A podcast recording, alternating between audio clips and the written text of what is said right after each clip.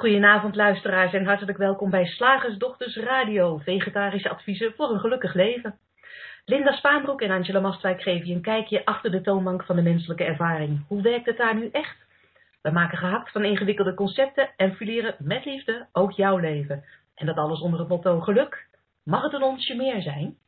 Goedenavond allemaal. Uh, voordat we beginnen met uh, de daghap van vandaag, opvoeden zonder stress, uh, wil ik nog even aangeven. Twee dingen. En de, de mensen die inmiddels vaste luisteraars geworden zijn, die weten dat inmiddels. Het ene is dat we het heel erg leuk vinden om jouw persoonlijke vragen te beantwoorden. Je kunt iets aan ons, een dilemma aan ons voorleggen, een probleem of gewoon een vraag over iets wat je vanavond hoort of iets wat je in een eerdere radioshow hebt gehoord of iets wat je gewoon bezighoudt. Dat kun je doen door je vraag in te typen in het Q&A vakje dat je ziet op de pagina waar je nu bent, uh, naast het uh, playertje wat je hebt ingedrukt om naar ons te luisteren. Als je het leuk vindt om ook echt uh, live met ons van gedachten te wisselen, geef dan je telefoonnummer erbij. dan kunnen wij je bellen en je in de uitzending halen om het gesprek aan te gaan. Maar je mag natuurlijk ook alleen je vraag aan ons doorgeven en dan beantwoorden wij hem. En het tweede aspect wat ik graag nog een keer onder je aandacht wil brengen, is het feit dat waar wij het over hebben, ehm, de, de, inzichten die wij graag met je delen, de richting waar we je graag in willen laten kijken, dat is een richting waarbij het heel erg helpt om te luisteren naar deze radioshow alsof je naar muziek luistert. Dus niet zoals we gewend zijn te luisteren. Zoals we gewend zijn te luisteren is toch vaak um, analyseren wat we horen, het vergelijken met wat we al kennen, het vergelijken met um, hoe wij zelf tegen dingen aankijken. Dus je bent dan eigenlijk voortdurend bezig met de materie. Je bent veel aan het denken in je hoofd over de materie. Bij het onderwerp wat wij behandelen, of bij onze hele radioshow, werkt het veel beter alsof je wat je hoort, uh, als je dat over je heen kan laten komen. Uh, als muziek, waar je ook niet gaat vergelijken. Waar je ook niet gaat zeggen, hé, hey, ik hoor nu een cello, maar dit had beter een viool kunnen zijn. Door op die manier te luisteren, open, met niks in gedachten, pik je meer op. En uh, zul je merken dat je meer profijt hebt van wat, je, wat ze met je delen. Dat het meer bijdraagt aan je geluk. Ja, die kant is in ieder geval groter. En vandaag opvoeden zonder stress. Opvoeden zonder stress. We zijn allebei moeder, dus opvoeden hebben wij nou ja, een beetje gedaan. Hè? Want onze we kinderen, geprobeerd. We hebben het geprobeerd. We hebben een, een poging neergezet. onze kinderen zijn inmiddels uh, volwassen officieel. Ja, ja. ja dus, dus, wij zitten wel in de rustgevende positie. Ja. Dat nou ja, onze taak zit er qua opvoeden op. Wij dus zijn er helemaal klaar mee. We hoeven ons geen zorgen meer te maken over wat, wat, we nog fout kunnen doen. Het, is al, het kwaad is al geschied. ja, dat is, al, dat is wel fijn om te weten. Maar het is ook uh, jouw vak eigenlijk, Linda, van oorsprong. Ja, ja ik ben, ik ben uh, opgeleid als orthopedagoog en onderwijskundige. Dus in die zin ben ik, ben ik een, een, ja, ik ben pedagoog. Dus ik ben een beroepsopvoeder, zou je kunnen zeggen. Um, maar het grappige is dat ik uh, nooit echt aan het werk gegaan ben als orthopedagoog omdat ik vrij veel moeite had met het feit dat uh, je als orthopedagoog eigenlijk voortdurend bezig bent met te meten um, hoe het kind ervoor staat en vervolgens te constateren dat er iets mis is. Um, een heel enkel keertje uh, constateer je niet dat er iets mis is, maar vaak constateer je dat er iets mis is ten opzichte van wat de maatstaf is en ten opzichte van het kader dat de maatschappij geschetst heeft voor die kinderen. Um, dus dus um, dat was voor mij reden om niet heel erg lang uh, als pedagoog aan het werk te gaan. Omdat ik me daar niet zo goed bij voelde. En later heb ik geconstateerd dat waar ik eigenlijk niks wist over de drie principes, uh, tot, tot twee jaar geleden, en ook geen idee had over nou ja, dat, dat onze psyche op een bepaalde manier werkte.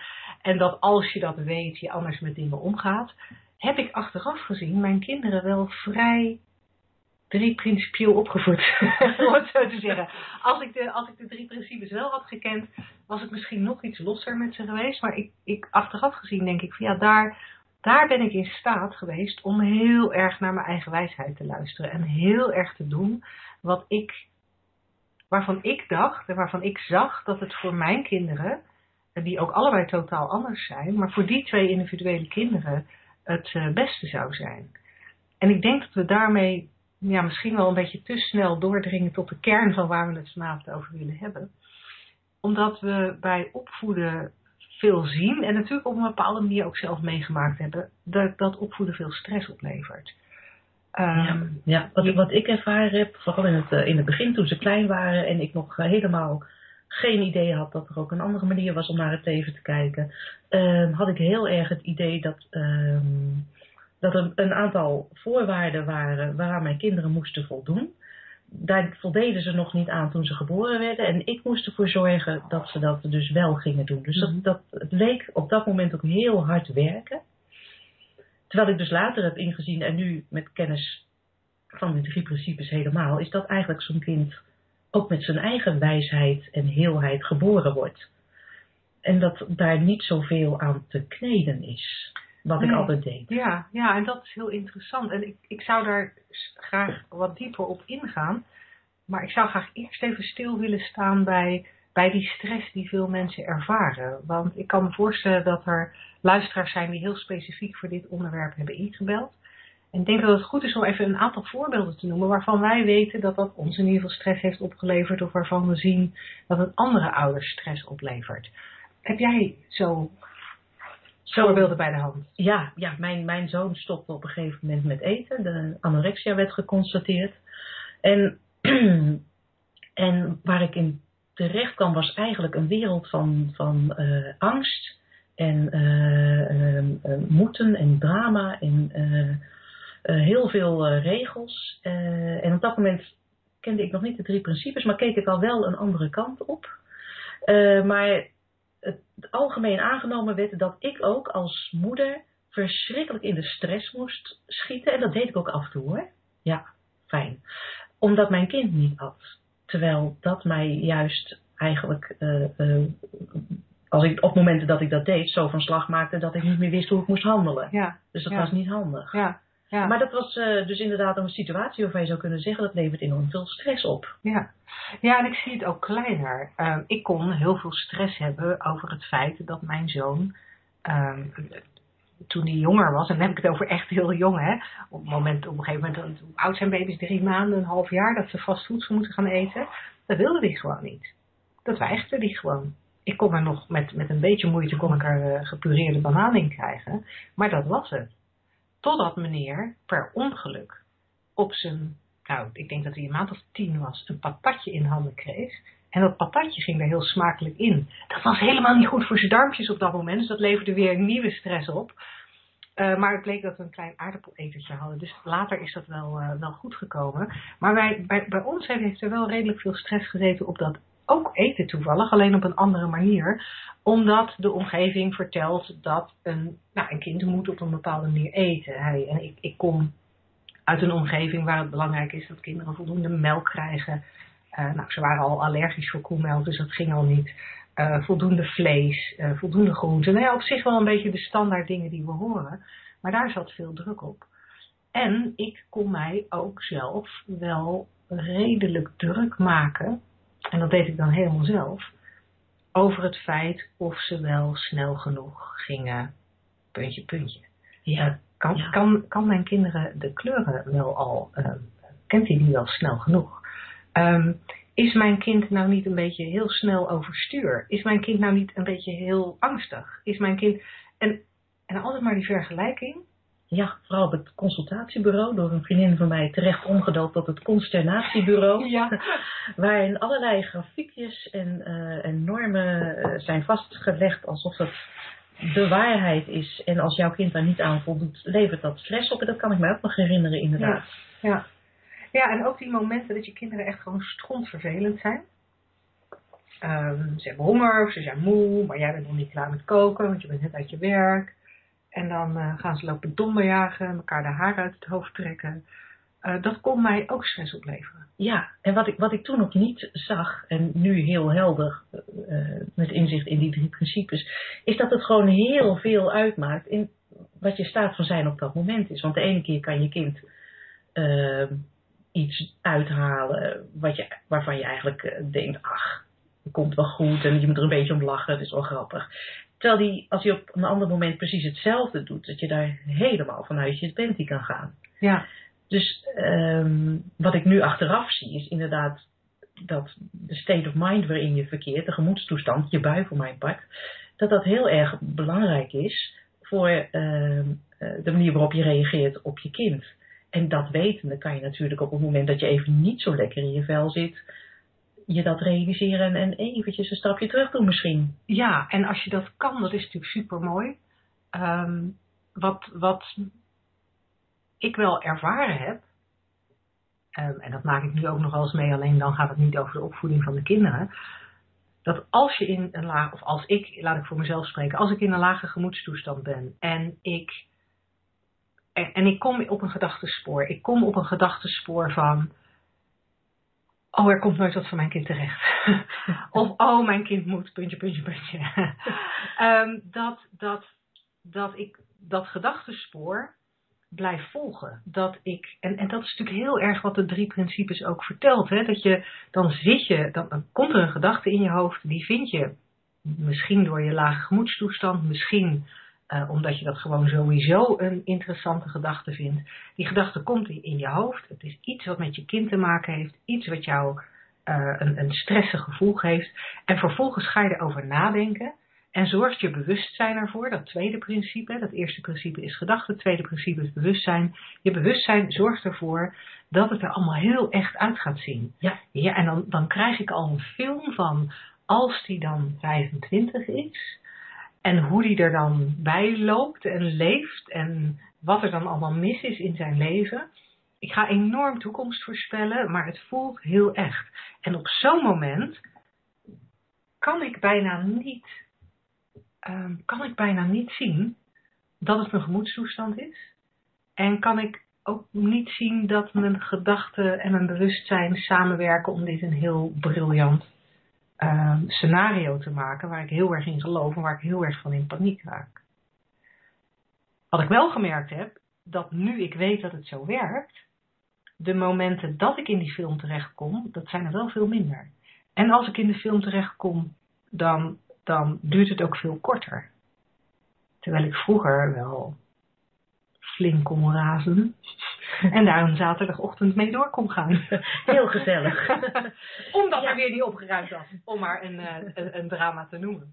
Het lijkt ook uh, alsof er uh, allerlei vaste ideeën zijn over opvoeding die ook echt waar zijn. Mm -hmm als je tijdschriften leest over opvoeding of in, in de kranten, katernen die daarover gaan, dan lijkt het ook alsof er dus een heleboel dingen, een soort, soort, soort vaste uh, aannames zijn, die in werkelijkheid slechts geloofde gedachten zijn. Dat is het derde principe. Ja, kan je, en, kan je een voorbeeld geven? Uh, ik denk even aan de ouders van nu. Een tijdje geleden dat ik het heb gelezen, maar wat zou erin staan?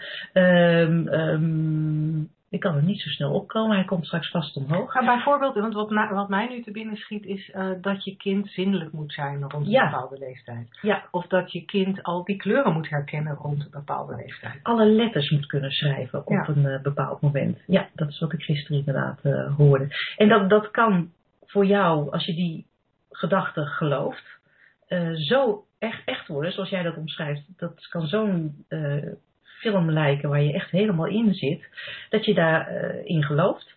Maar ook dat je dus vervolgens daarna gaat handelen. Mm -hmm. Dus als jouw kind afwijkt van de gewenste norm, dat je daar ook van in paniek raakt, in de stress raakt en daar van alles aan gaat doen om daaraan te werken. Met uh, tactiek A, tactiek B, tactiek C, wat werkt wel, wat werkt niet. De nanny, we doen, de, de, nanny. We doen de techniek ja. van de nanny. En daarbij kan je eigenlijk volledig uit het oog verliezen dat hoe, het, hoe het leven eigenlijk werkt, namelijk van binnen naar buiten. Mm -hmm. je, je, neemt dus van buiten iets aan en, en, en, en maakt daar een, een, verhaal van voor jezelf, maar het is natuurlijk volledig andersom je creëert jouw realiteit, en of dat nou een kind is die de kleuren niet kent of de letters niet kent of Mhm. niet zindelijk is, van binnenuit met het idee, oh, dit is waar, hij zou dat moeten kunnen. En vervolgens ga je daar dus uh, alle, van alles op baseren, al je handelingen, al je, je, uh, je aansporingen naar het kind toe en uh, misschien gesprekken met school. Ja. En ja. zo ja, en wat ik daar fascinerend bij vind, is dat um, we als ouders toch altijd geneigd zijn om dan te twijfelen aan onze eigen wijsheid. He, om, om, om nog maar eens iets, uh, iets te noemen wat jij daar straks al, al benoemde. een kind wordt geboren met, met eigen wijsheid en, en ja, die, die kan daar zijn leven mee leiden. Eh, Maar wij hebben dat natuurlijk precies hetzelfde. Maar Ja. op de een of andere manier gaan we geloven dat de wijsheid van iemand anders beter geschikt is voor ons leven en beter geschikt is voor onze, voor, voor, voor onze opvoeding aan onze kinderen. Ja, alsof we niet geboren zijn om gewoon zo'n zo'n kind eh, veilig eh, groot te brengen. Ja, Alsof het een vak is geworden waar, waar je dus uiteindelijk hele studies van kunt maken. ja. En, Zoals eh, ik gedaan heb. Zoals Ja. jij gedaan hebt. En, en waarin er dus van alles mis kan gaan. Terwijl, ja. als je kijkt naar de wezenlijke basis van ieder mens, kan er niet zo heel veel misgaan. Nee, nee, nee, dat is het mooie. Hè?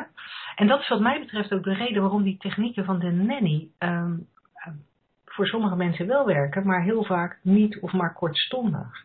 Omdat het niet uit jezelf komt en het is niet passend voor jouw kind. Het is een soort one size fits all oplossing. Ja, ja dat tip je gelijk inderdaad aan de regels die dan voor ieder kind zouden moeten gelden. Wat dan Ja. ook in, in, in de, de bladen wel eh, wordt eh, genoemd. Eh, de regels en de tips. Maar eigenlijk kan je als ouder best op je eigen wijsheid varen. En weet je in elk moment dat je de juiste respons hebt. Ja. En wat ik me dan afvraag, voor, even namens onze luisteraars. ik probeer mij te verplaatsen in onze luisteraars. Oké, dan zeg jij, dan zeggen we, Linda en Angela zeggen samen, maar ik ben nu even de luisteraar. Ehm, dan, dan, dan zeg jij van, eh, je moet vertrouwen op je eigen wijsheid. En, eh, maar ja, ik denk echt dat het voor mijn kind heel belangrijk is om de letters te kennen. Ik denk echt dat het voor mijn kind heel belangrijk is om al mooi te kunnen schrijven als hij zes is. Ik denk echt dat het heel belangrijk is voor hem dat hij een middelbare schooldiploma haalt. Of dat hij nooit blijft zitten en eh, altijd mooie rapporten heeft.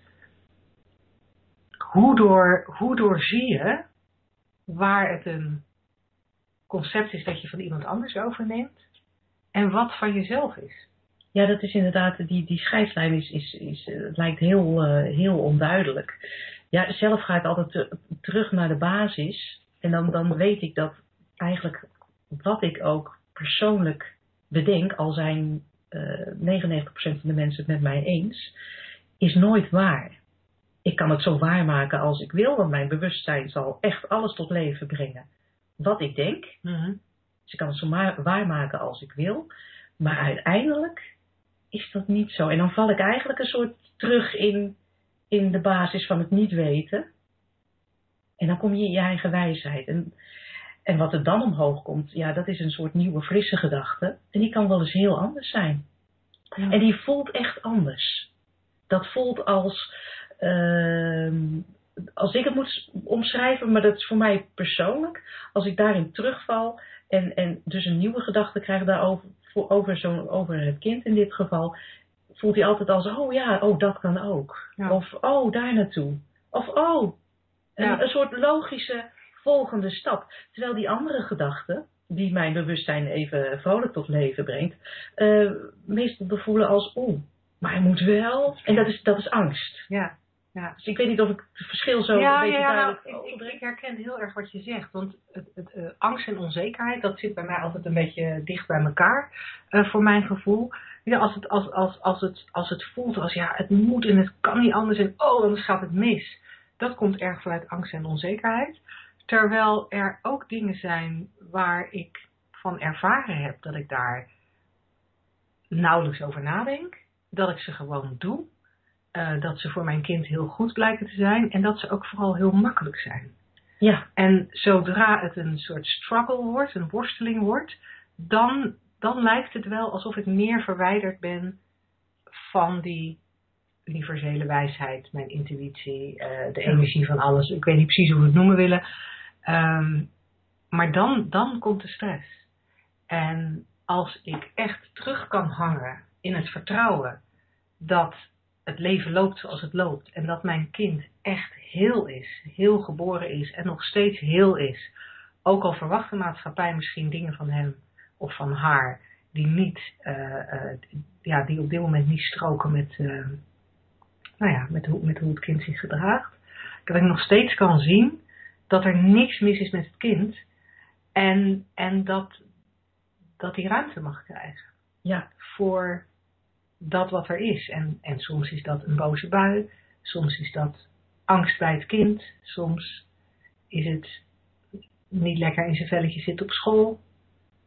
Uh, ja, dat kan op allerlei eh, manieren natuurlijk uiting krijgen. Ja. Maar, maar bekeken vanuit dat standpunt, vanuit die, die, die ontspanning, want dat is het, die, uh, die wijsheid, handel je inderdaad automatisch. Daar, komt, daar is geen vraagteken meer bij.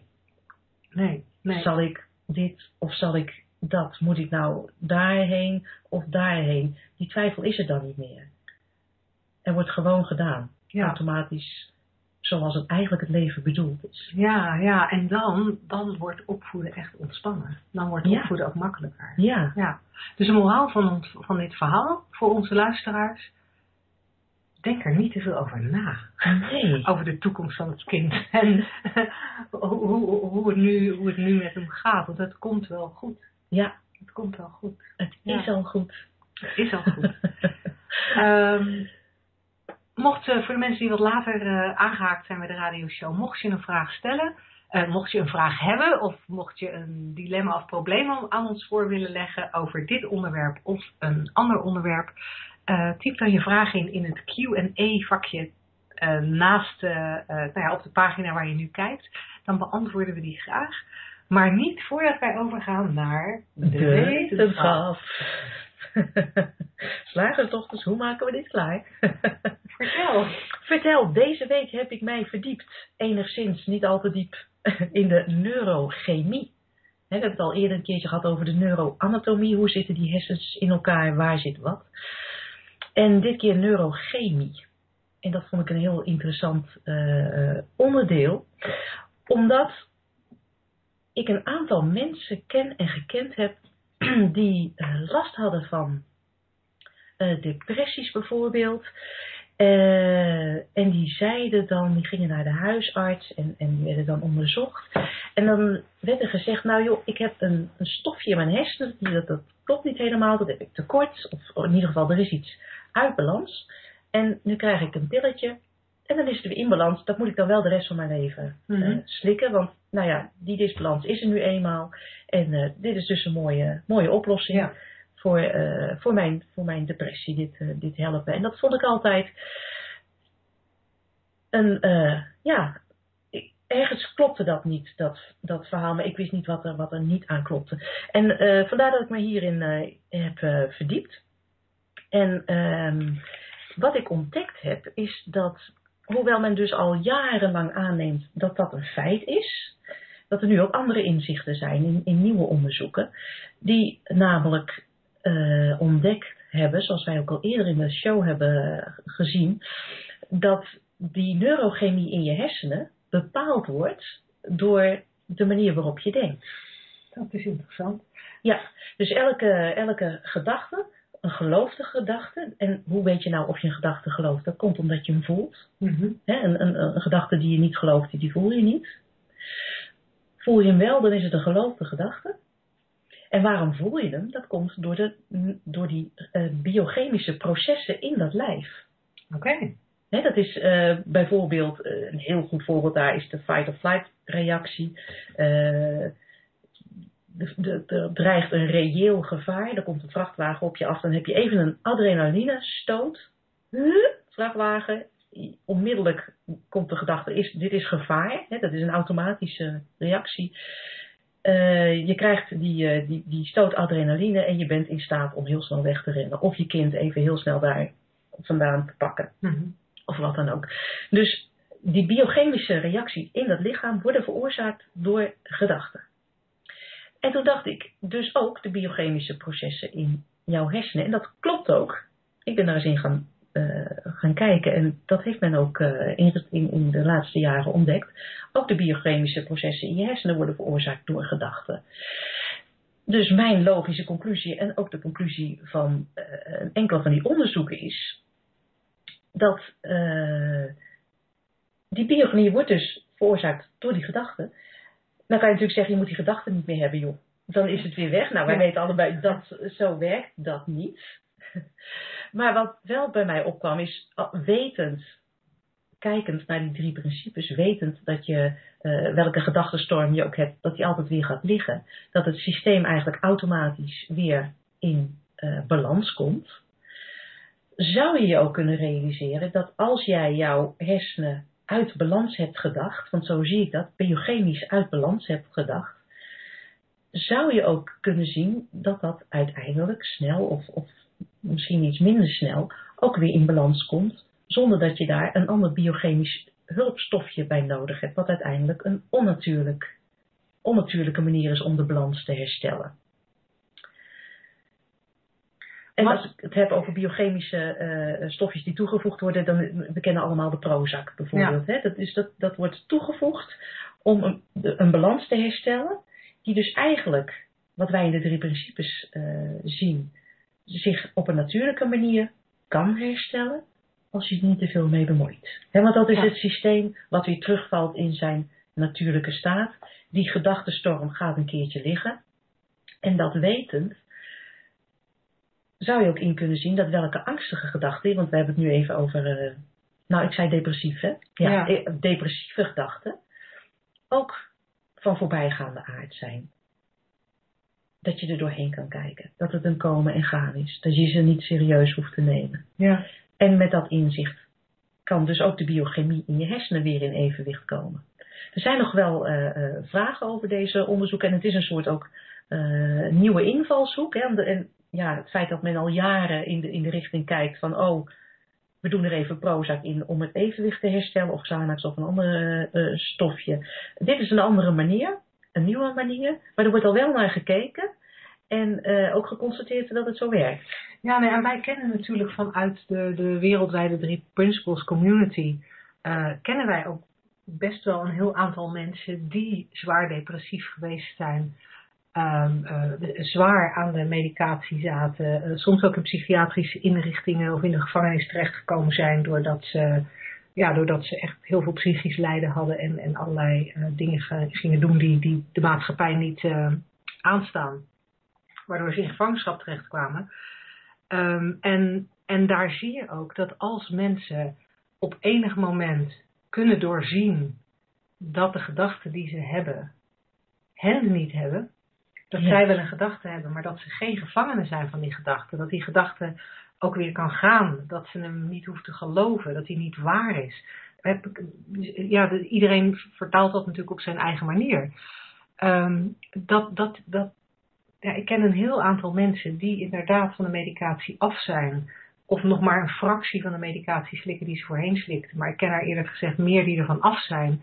En die helemaal geen last meer hebben van de depressie. Terwijl ze eerder in een situatie zaten en een omgeving waarin eigenlijk werd gezegd: dit is ongeneeslijk. Hier zul je de rest van je leven mee moeten blijven dealen. Uh, ja. En ik vind het interessant, ik, ik vind het een heel in, interessant onderscheid wat je maakt tussen de geloofde gedachten. En, want ik denk dat dat met name is wat in de psychologie veel over het hoofd gezien wordt. In de psychologie wordt wel gekeken naar gedachten, en er wordt ook wel gezegd, ja, als je nou een betere gedachte hebt, dan, dan voel je je beter. Uh, maar er wordt eigenlijk zelden of nooit gezien dat de gedachte om te beginnen al niks is. Nee. nee en dat het alleen maar wat wordt doordat we ons, het in ons bewustzijn nemen. En ja. Dan werkt het ook niet om, om bijvoorbeeld iemand ervan te proberen te, of iemand te zeggen zichzelf ervan te overtuigen dat die bijvoorbeeld goed genoeg is. er is dan de basisgedachte, ik ben niet goed genoeg. Nou joh, dan denk je dat om en dan vertel je jezelf honderd keer per dag, ik ben goed genoeg, ik ben goed genoeg. Waarom dat niet werkt, ten eerste is het natuurlijk gewoon een extra setje gedachten. En ten tweede, zolang je dat niet gelooft, dan doet hij ook niks. Nee. Nee. nee. En wat ik uh, zelf ook uh, een keer heb meegemaakt, is, is een... Uh, een, meisje in de puberteit dat, dat, uh, dat ook allerlei uh, ideeën had over zichzelf en, en de wereld die haar enorm veel, uh, veel pijn deden. En zij ging naar de huisarts. Want ze, om van die mentale pijn af te komen ging ze zichzelf ook beschadigen. En, en ja, ze kreeg ook gedachten van misschien kan ik hier beter niet meer zijn. En ze ging naar de huisarts en um, daar werd al in de richting gekeken van een bipolaire stoornis. En er werd inderdaad gepraat over medicatie en een eventueel opname. En zij kwam in aanraking ehm, met. Ehm, zij, eigenlijk woonde zij toevallig een gesprek bij die in deze richting wees over hoe het leven werkelijk in elkaar zit. En dat je gedachten tot leven komen door het bewustzijn wat je, wat je hebt, eh, maar dat het niet echt is. En dus zonder eigenlijk zelf uh, in therapie te gaan of zo, heeft zij iets opgepikt. En vanaf dat moment, er ging letterlijk een knop om, zag zij, oh, ik, ik hoef dit niet te geloven. Ja zij is nooit meer uh, uh, terug geweest naar, naar de arts. Er is niets meer met haar aan de hand. En ik zeg niet dat het altijd zo werkt van, oh, je luistert even en, het is, en, en je, welk probleem je ook hebt, is voorbij. Maar de mogelijkheid is er. Ja, de mogelijkheid is er vooral om, om inderdaad een inzicht te krijgen, waardoor je, ja, waardoor je niet meer, waardoor je doorziet ja. hoe het systeem werkelijk in elkaar zit. Uh, ja, waardoor je niet meer meegetrokken hoeft te worden in alle ellende die je in feite uh, zelf bedenkt. Ja. En, en ik weet dat het een beetje een gevaarlijke opmerking is en in volgende uitzendingen komen we daar vast nog op terug. Want ik kan me al voorstellen dat een van de luisteraars nu denkt, ja maar. Ik bedenk dit echt niet zelf. Ik bedenk echt niet zelf dat ik een ernstig auto-ongeluk heb gehad. Nee, Natuurlijk, dat, dat is ook zo. Ja. Uh, dat is toevallig iets wat ik zelf ook heb meegemaakt. Nee, die vrachtwagen is echt tegen de taxi aangereden waar ik in zat. En ja, ik ben echt door die stapel grafstenen omvergereden. Hoe bizar ook. En uh, ja, daar heb ik echt, dat wist jij nog niet van mij hè. en ik ben echt, uh, ik heb daar echt veel pijn van gehad. En dus, dus, dus, dus ja, in het fysieke zijn er natuurlijk wel dingen die echt zijn. Maar wat we erover denken en de emoties die we daarbij hebben en hoezeer het ons emotioneel raakt of psychisch raakt, ehm, dat, dat creëren we wel zelf. En, ja, en dat is volkomen onschuldig dat we dat doen. Ja, iedereen doet het. En dat komt omdat die film zo echt lijkt die, we, die ons bewustzijn uh, creëert. Dus iedereen is daar volkomen onschuldig in. Ik doe het zelf ook nog regelmatig. Jij ook. Dat is helemaal niet erg.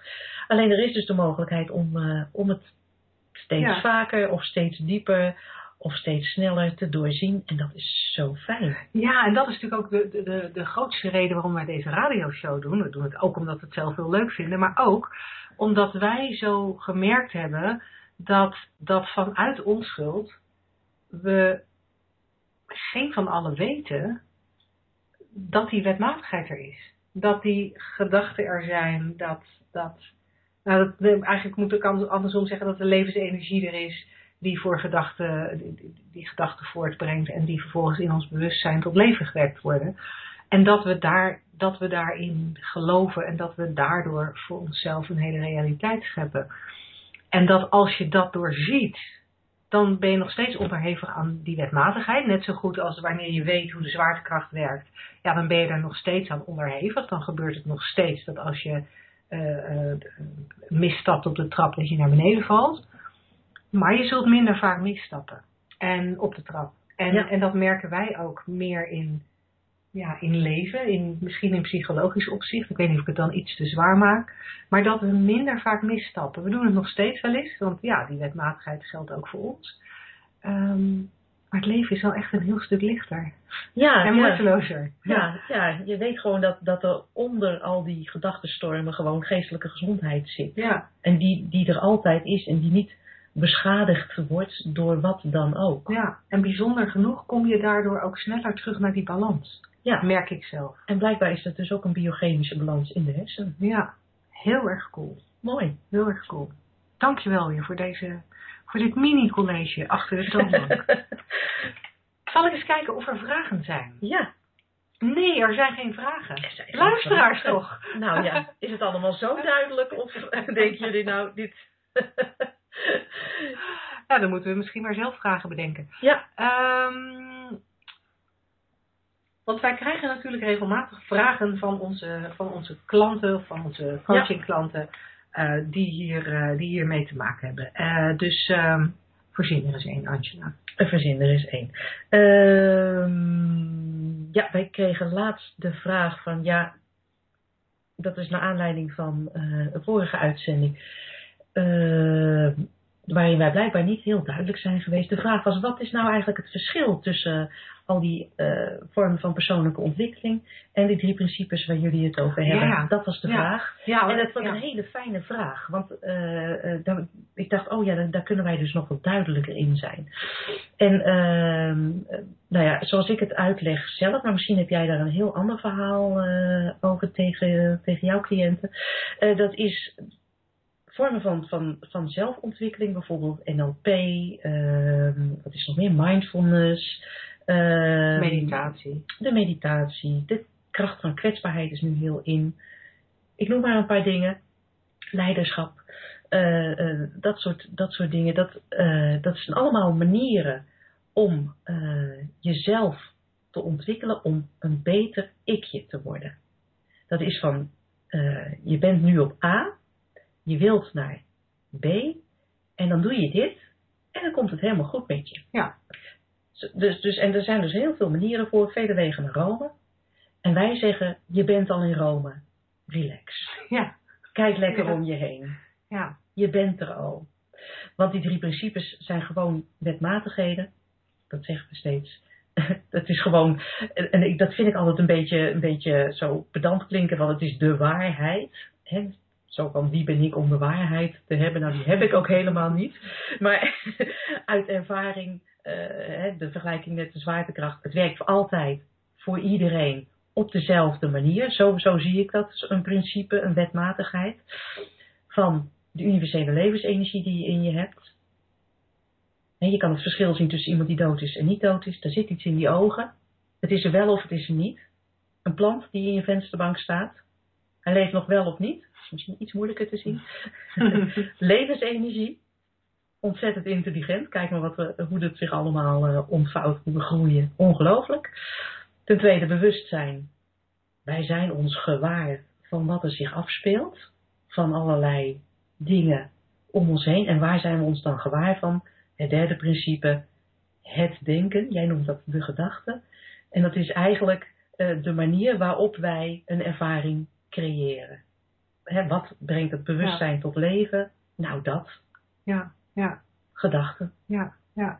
ja, en de reden dat ik het gedachten noem en niet uh, denken is omdat, of niet het denken, omdat in mijn beleving een gedachte neutraal is. En denken is een actie die we doen. Dus voor mij zit, zit zeg maar, de gedachte komt neutraal binnen. En pas doordat ik erover ga denken, maak ik er iets van. En, en vandaar dat ik dat onderscheid maak. Ja. Maar dit, uh, dit even terzijde. Ja, wat jij, wat jij uh, ik wil graag nog even aanvullen op wat je eerder zei over, ja, je bent al in Rome, je bent al goed zoals je bent. Daar hoeft niet zoveel aan te veranderen.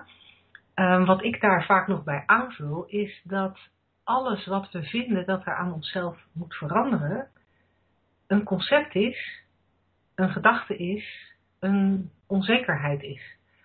Uh, dat, dat, dat veel van die behoefte aan persoonlijke ontwikkeling eigenlijk voortkomt uit onzekerheid. Um, ja, ik, ik ben niet goed genoeg in leiding geven. Um, dus moet ik een betere leider worden. Um, ik ben toch hier of daar wat emotioneel, dus moet ik minder emotioneel worden. Ik, ben, ik huil best wel veel, dus ben ik te gevoelig. En moet ik iets doen om met die overgevoeligheid, of, of tegenwoordig wordt dat hooggevoeligheid genoemd, om met die hooggevoeligheid ook om te gaan. En wat ik, um, um, wat ik daar duidelijk bij zie, is dat dat, dat, dat bedachte concepten zijn waarbij we een, een beeld creëren van hoe het zou moeten zijn.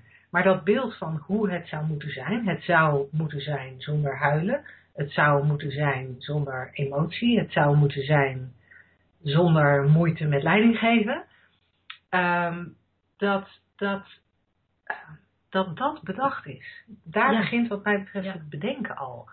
Um, en, en dat gaat, gevoelsmatig gaat dat voor mij nog één stap verder dan je bent al in Rome.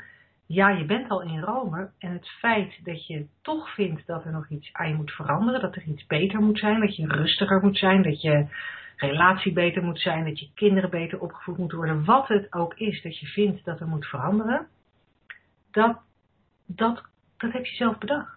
Ja. Er, is, er is feitelijk geen enkele vaststaande regel over hoe iets eruit moet zien, hoe een mens hoort te zijn.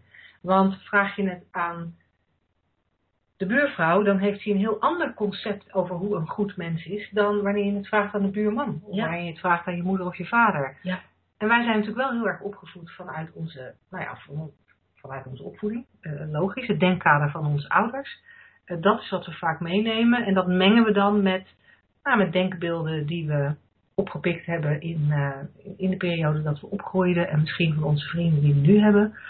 Het is heel erg makkelijk om met elkaar te gaan zitten praten van God meid. Heb jij ook altijd, weet je, als je dan ongesteld wordt, dat je denkt, nou, ik ben zo wiebelig. Ja, vrees. En dat dat dan eigenlijk, ja, dat is eigenlijk niet goed. Hè? Dat zou eigenlijk anders Nee. moeten zijn. Ja. Daar zou ik beter mee om moeten, kunnen- moeten gaan. Het is heel makkelijk om dan, in dit geval als twee vrouwen onder elkaar, daar eens even lekker met elkaar in mee te gaan. Elkaar enorm te bevestigen in die gedachten. En dus ook bevestigd te worden in het idee van, ja, het is ook niet helemaal goed. Ik moet daar iets aan doen. Ik moet er iets aan doen. Ja. Ik moet wel rustiger zijn. Ik moet wel dit, ik moet wel dat. En dat is tegelijkertijd ook nog een heel groot verschil tussen bijvoorbeeld eh, mindfulness, ehm, eh, een NLP, noem er maar even twee, en de drie principes. Mindfulness zegt, die geeft instructies. Die zegt bijvoorbeeld, je moet dus alles wat je doet, moet je met je gedachten, je volledige aandacht erbij zijn. NLP zegt, je moet bepaalde gedachten wel hebben en andere niet. Dus let erop, wees alert op wat je gedachten zijn. Want je hebt goede en slechte gedachten, dus je mag alleen goede gedachten hebben. Drie principes zegt helemaal niks. Die zegt gewoon, zo creëer jij jouw menselijke bestaan. Veel plezier ermee. Veel plezier ermee. En ik hoor daar dan in. En maak je er dus maar niet te druk over. Want Ja, je creëert het toch allemaal Relax. zelf. Je bedenkt het toch allemaal ja, zelf. je bent al in Rome. En, en, ja, en dat is een groot verschil tussen... ehm, in de drie principes wordt... Daar, de basis daarvan is, je bent oké. Ja. Je bent goed. Er zit misschien een hoop shit overheen, waardoor je het zelf niet meer ziet. Maar je bent goed en je bent oké. Dus als je dat kan zien, Ja. hoeft er niet meer zoveel te veranderen. En, eh, ja, en komen er hele fijne dingen als eh, accepteren wat er is en in het nu zijn. Om Oh nog ja. maar een paar van Ja. fijne... Dat zou zomaar een gevolg kunnen zijn van het inzicht daarin hoe wij onze menselijke ervaring Maar dat hoeft niet. Het hoeft niet. Want Maar het kan natuurlijk dat wel. kan natuurlijk wel, ja. Ja. Ja. Hey, mooi. Fijn dat jij deze, dat jij deze vraag eh, nog eh, je herinnerde van eh, de mail die we hadden gekregen. Ik kijk even of er inmiddels een luisteraar is die toch, ja, Marjan zegt, een bedacht concept. Dan denk ik ook aan zogenaamde wetenschappelijke feiten, zoals het voorbeeld van Angela over biochemische processen in de hersenen.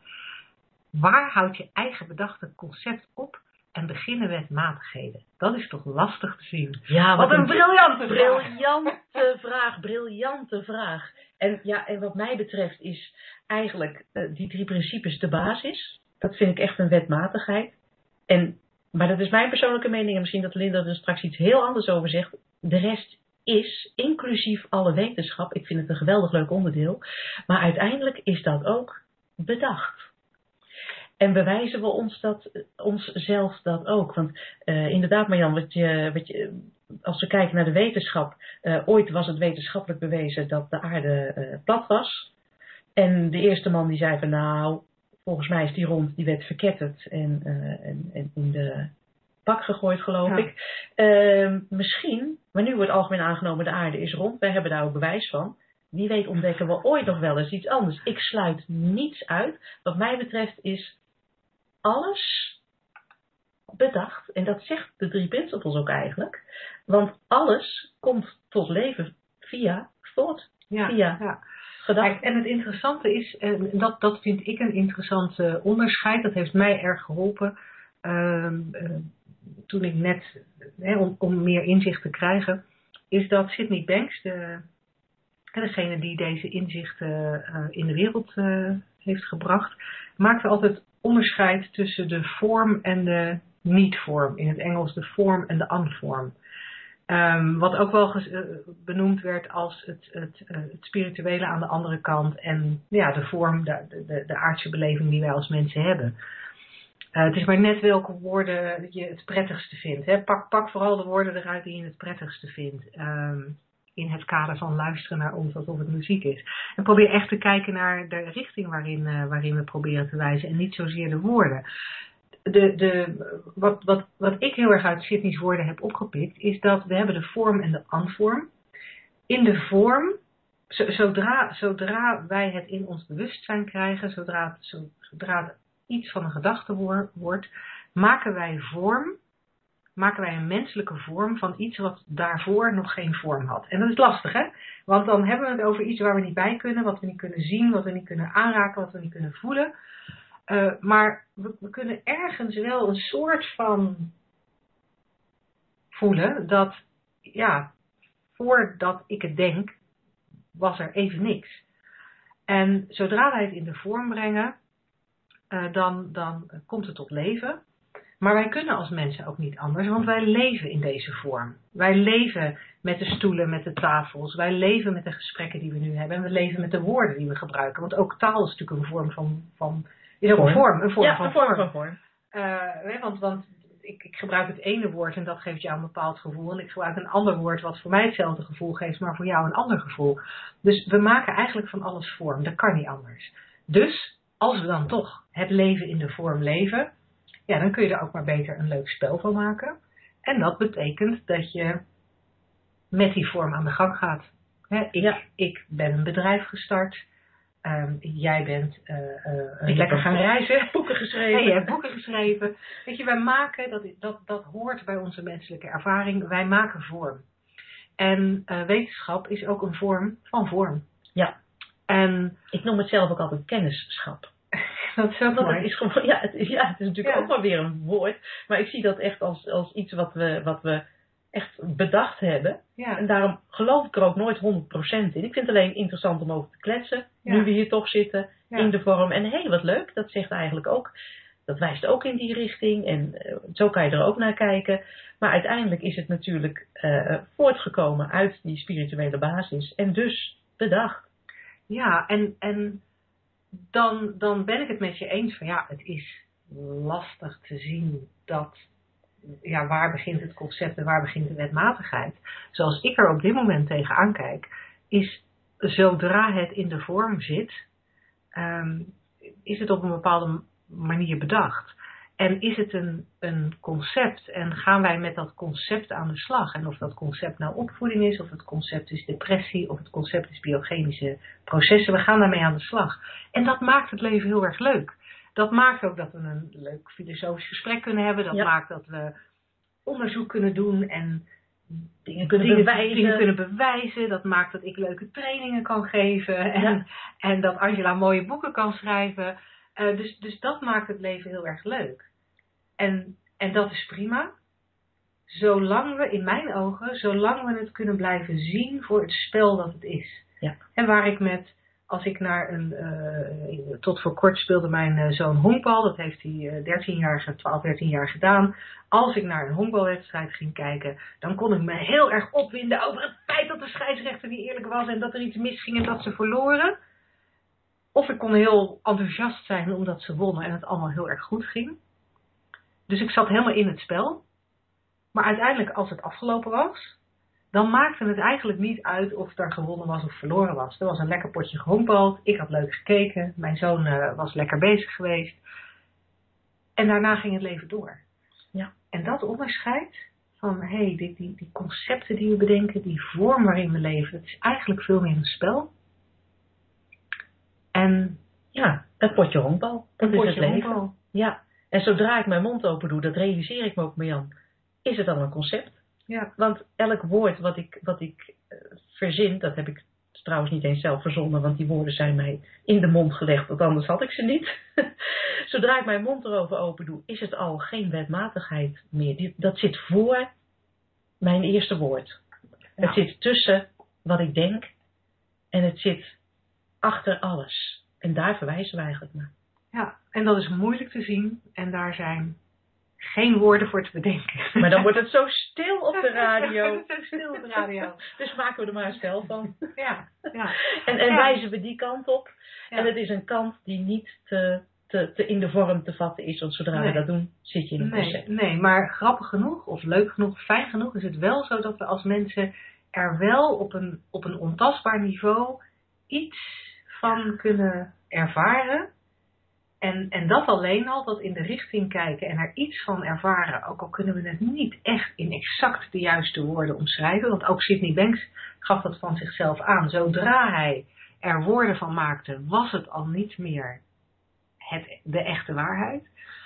Uh, maar toch, uh, zelfs in die, in die nou ja, gebrekkige menselijke vorm, met die gebrekkige menselijke woorden, zodra je er toch iets, iets van gaat voelen, op een ontastbaar niveau, gaan er dingen veranderen in je leven. Ja, en, en we, hebben dat, zin. Ja, ja, we hebben dat ook allemaal wel eens meegemaakt. Dat je, dat je echt, dat je eigenlijk, ik bedoel niet op de automatische piloot, maar, maar in, een, in een soort flow hebben we ook weer een leuk concept. Uh, handelt en dat alles vanzelf gaat en zich ontvouwt. En oh, dat, die stap en die stap. Uh, dat eigenlijk. Ja. ja, ga maar, ga, zodra je er iets over gaat vertellen, kan je niet vertellen hoe je het gedaan hebt, waar het vandaan kwam. Maar dat zit in ieder mens. En dat is het. Ja. Ja. ja. Totdat ik er iets over ga zeggen. Ja, ja. nou, voordat wij in een Pavlovische spraakverwarring terechtkomen, uh, hoop ik dat hiermee je vraag uh, in ieder geval voor dit moment uh, voldoende beantwoord is. En stel ik voor dat wij overgaan naar de gehaktmolen. De gehaktmolen. Hebben wij daar nog een leuk geluid bij? Nee, dat gaan we, binnen, dat, dat, gaan we nog. Het zit in de pijplijn. Ja, het zit in de pijplijn. En het, het concept is een uitspraak die ik, die ik wel eens hoor. Ja, maar, want dan vertel ik iets over de drie principes, of eigenlijk vertel ik daar niet zo snel iets over. Maar in ieder geval het, het, het, feit dat, we, dat wij uh, niets weten uiteindelijk. En dan is een van de, de antwoorden die ik krijg: ik wil niet de controle verliezen. Nee ik wil niet de controle verliezen. En dat is het concept wat nu door de gehaktmolen gaat. Ja, de controle verliezen. Ja, en met name dat controle, dat, je mag geen controle verliezen. Ik denk dat, dat, dat dat eigenlijk het concept is. Want als je de controle verliest, dan. En dan volgen er allemaal hele verschrikkelijke. Ja, en ik zie dat in de, in, de, in, in de opvoeding, ook bij mijzelf, toen, toen mijn jongens klein waren. Ik heb godzijdank later een beetje bij kunnen stellen. Maar dat ik dus ernstig vond dat ik van alles voor ze moest regelen. Vanuit een idee dat ik dan de controle had over wat er met hen gebeurde, hoe ze zich zouden ontwikkelen en uh, wat ze zouden leren en, en welke normen en waarden ze dan zouden krijgen. Was ik uh, daar erg mee bezig om van alles voor ze te regelen, zodat dat maar goed ging. En nu zie ik dat dat een volledig uh, illusoir idee van mij was, dat ik ook maar ergens controle over had. Ja, het, lijkt zo te zijn, maar het is het niet. Nee, en, en ik, heb, ik heb daar best wel een tijdje, nou ja, een jaar of 48, heel erg mijn best voor gedaan om die controle wel te hebben en vooral te houden. En uh, uiteindelijk, als ik er goed naar kijk, heeft eh, die momenten waarop ik daar heel erg op die controle zat, eigenlijk alleen maar teleurstelling opgeleverd.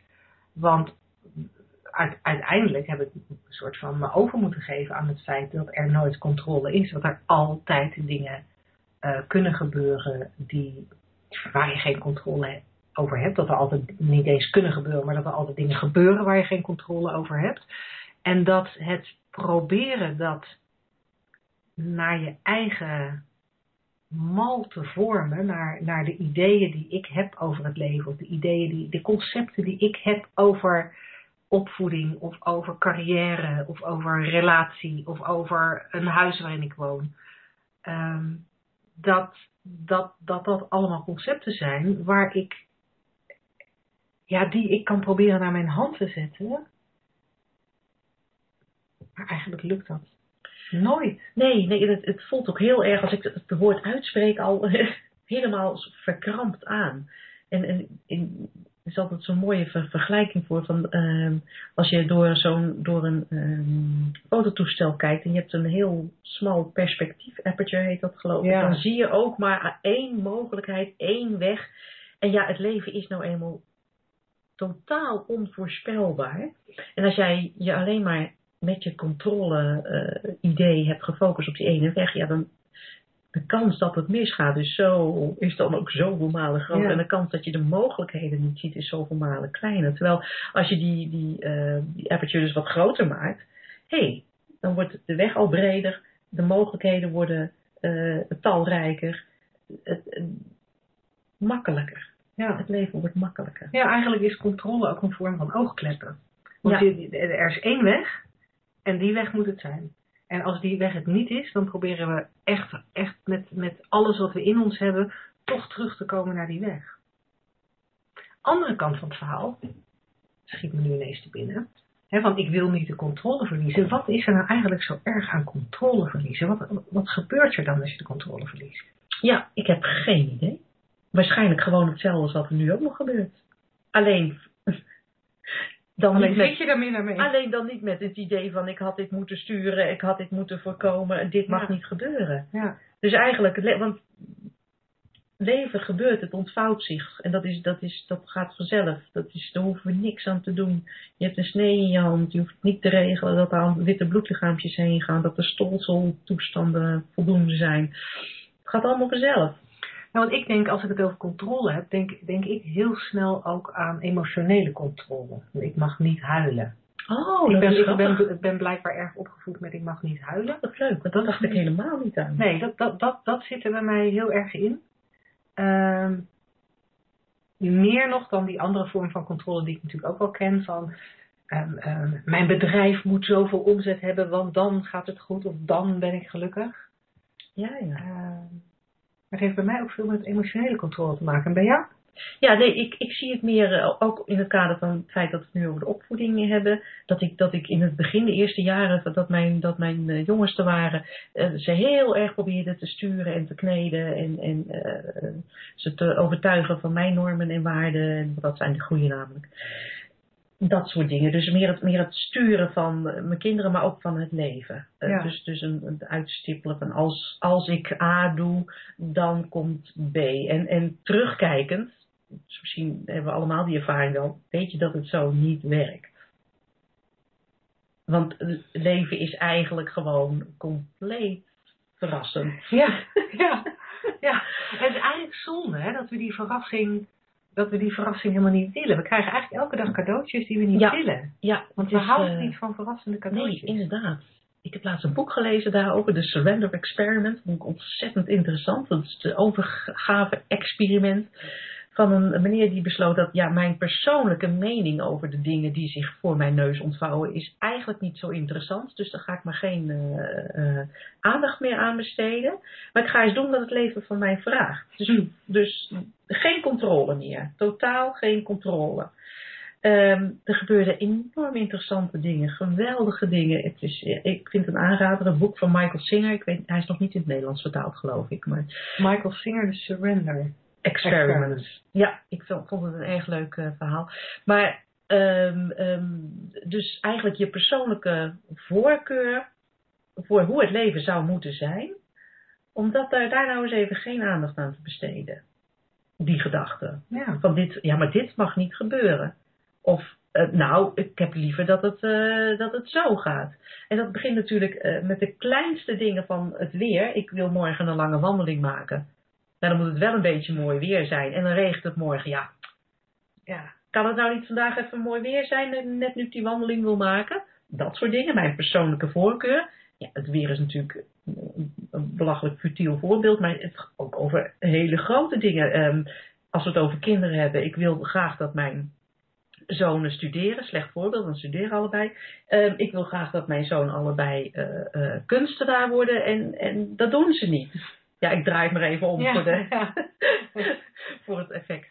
Ehm, dat, dat soort dingen. Maar uiteindelijk is alles, eh, al jouw weerstand, al, al jouw controle eigenlijk maar een uitdrukking van jouw persoonlijke voor- voorkeur. En die heb jij persoonlijk bedacht. ja. En dat mag. Dat Dat mag. mag. Alleen, alleen is, het een beetje, is het een beetje zonde dat je dan, dat je dan zo nou, pijnlijk aanloopt tegen het feit dat je alsmaar die controle niet wil verliezen en daarbij heel veel stress voor jezelf veroorzaakt. Ehm, ja, omdat je even over het hoofd ziet dat je geen controle hebt. Nee. Maar over je, wat jij aanstipt, je emoties, daar zou je natuurlijk wel van kunnen zeggen, daar heb je controle over. Hoe zie jij dat? Ehm, nou ja, inderdaad, daar zou je controle over kunnen hebben. Ehm, maar dan zit, je, dan zit je ook weer op dat punt van het een mag niet, het ander mag wel. Het een is wel goed, het ander is niet goed. Dus dan moet je jezelf heel erg uh, nou, moet je gaan, dan moet je gaan in de gaten houden, moet je gaan omdenken, moet je moeilijke, moeilijke oefeningen doen om ervoor te zorgen dat dat niet gebeurt. Um, terwijl ook, ook daar het feit dat je het idee hebt dat je jezelf onder controle moet houden emotioneel. Uh, ik denk dat dat alleen maar nodig is als er voortdurend iets borrelt wat er uit wil ontploffen. Want als jij gewoon fijn, relaxed, tevreden en gelukkig bent, zul je niet het gevoel hebben dat je je uh, emoties onder controle moet houden. Dus dat is eigenlijk altijd, denk ik, uh, in negatieve zin. En, en dan denk ik, ja, dat is dus in al die gevallen waarin je heel veel gedachten hebt over iets, heel veel gedachten over je omzet, heel veel gedachten over de opvoeding van je kinderen, heel veel gedachten over je relatie, waardoor je, doordat die gedachten opnieuw in je bewustzijn komen en daar een geweldige film van maken, waar je, waar je overstuur door raakt. Ja. En dan, dan komen er emoties die je onder controle zou moeten houden. Zie je, zie je die laag daaronder?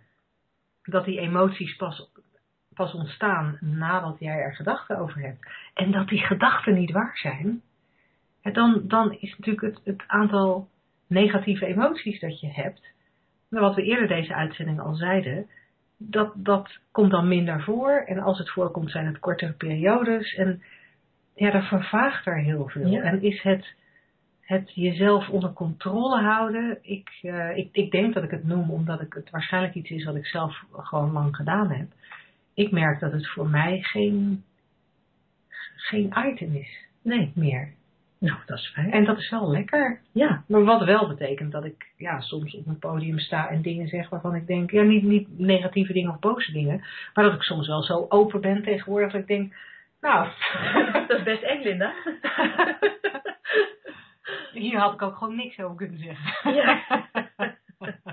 Hou jezelf eens onder controle. Hou mezelf eens onder controle, ja. Wat we ook onder controle gaan houden is de tijd. We zijn gewoon aan het eind van de uitzending gekomen. Helemaal goed. Dan nou. uh, denk ik uh, dat wij onze luisteraars weer hartelijk bedanken voor het luisteren. Fijn dat jullie er waren. Fijn dat jullie er waren. Voor iedereen die de opname van deze uitzending uh, beluistert. fijn dat je de opname beluistert. En mocht je naar aanleiding van deze uitzending of een vorige of een volgende uitzending een vraag hebben Laat het ons weten of tijdens de uitzending via het Q&A-vak of uh, via mail. Welkom at deslagersdochters.nl Je vragen zijn welkom. Ja, tot de volgende keer. Dag. Doeg. The moderator has left the conference.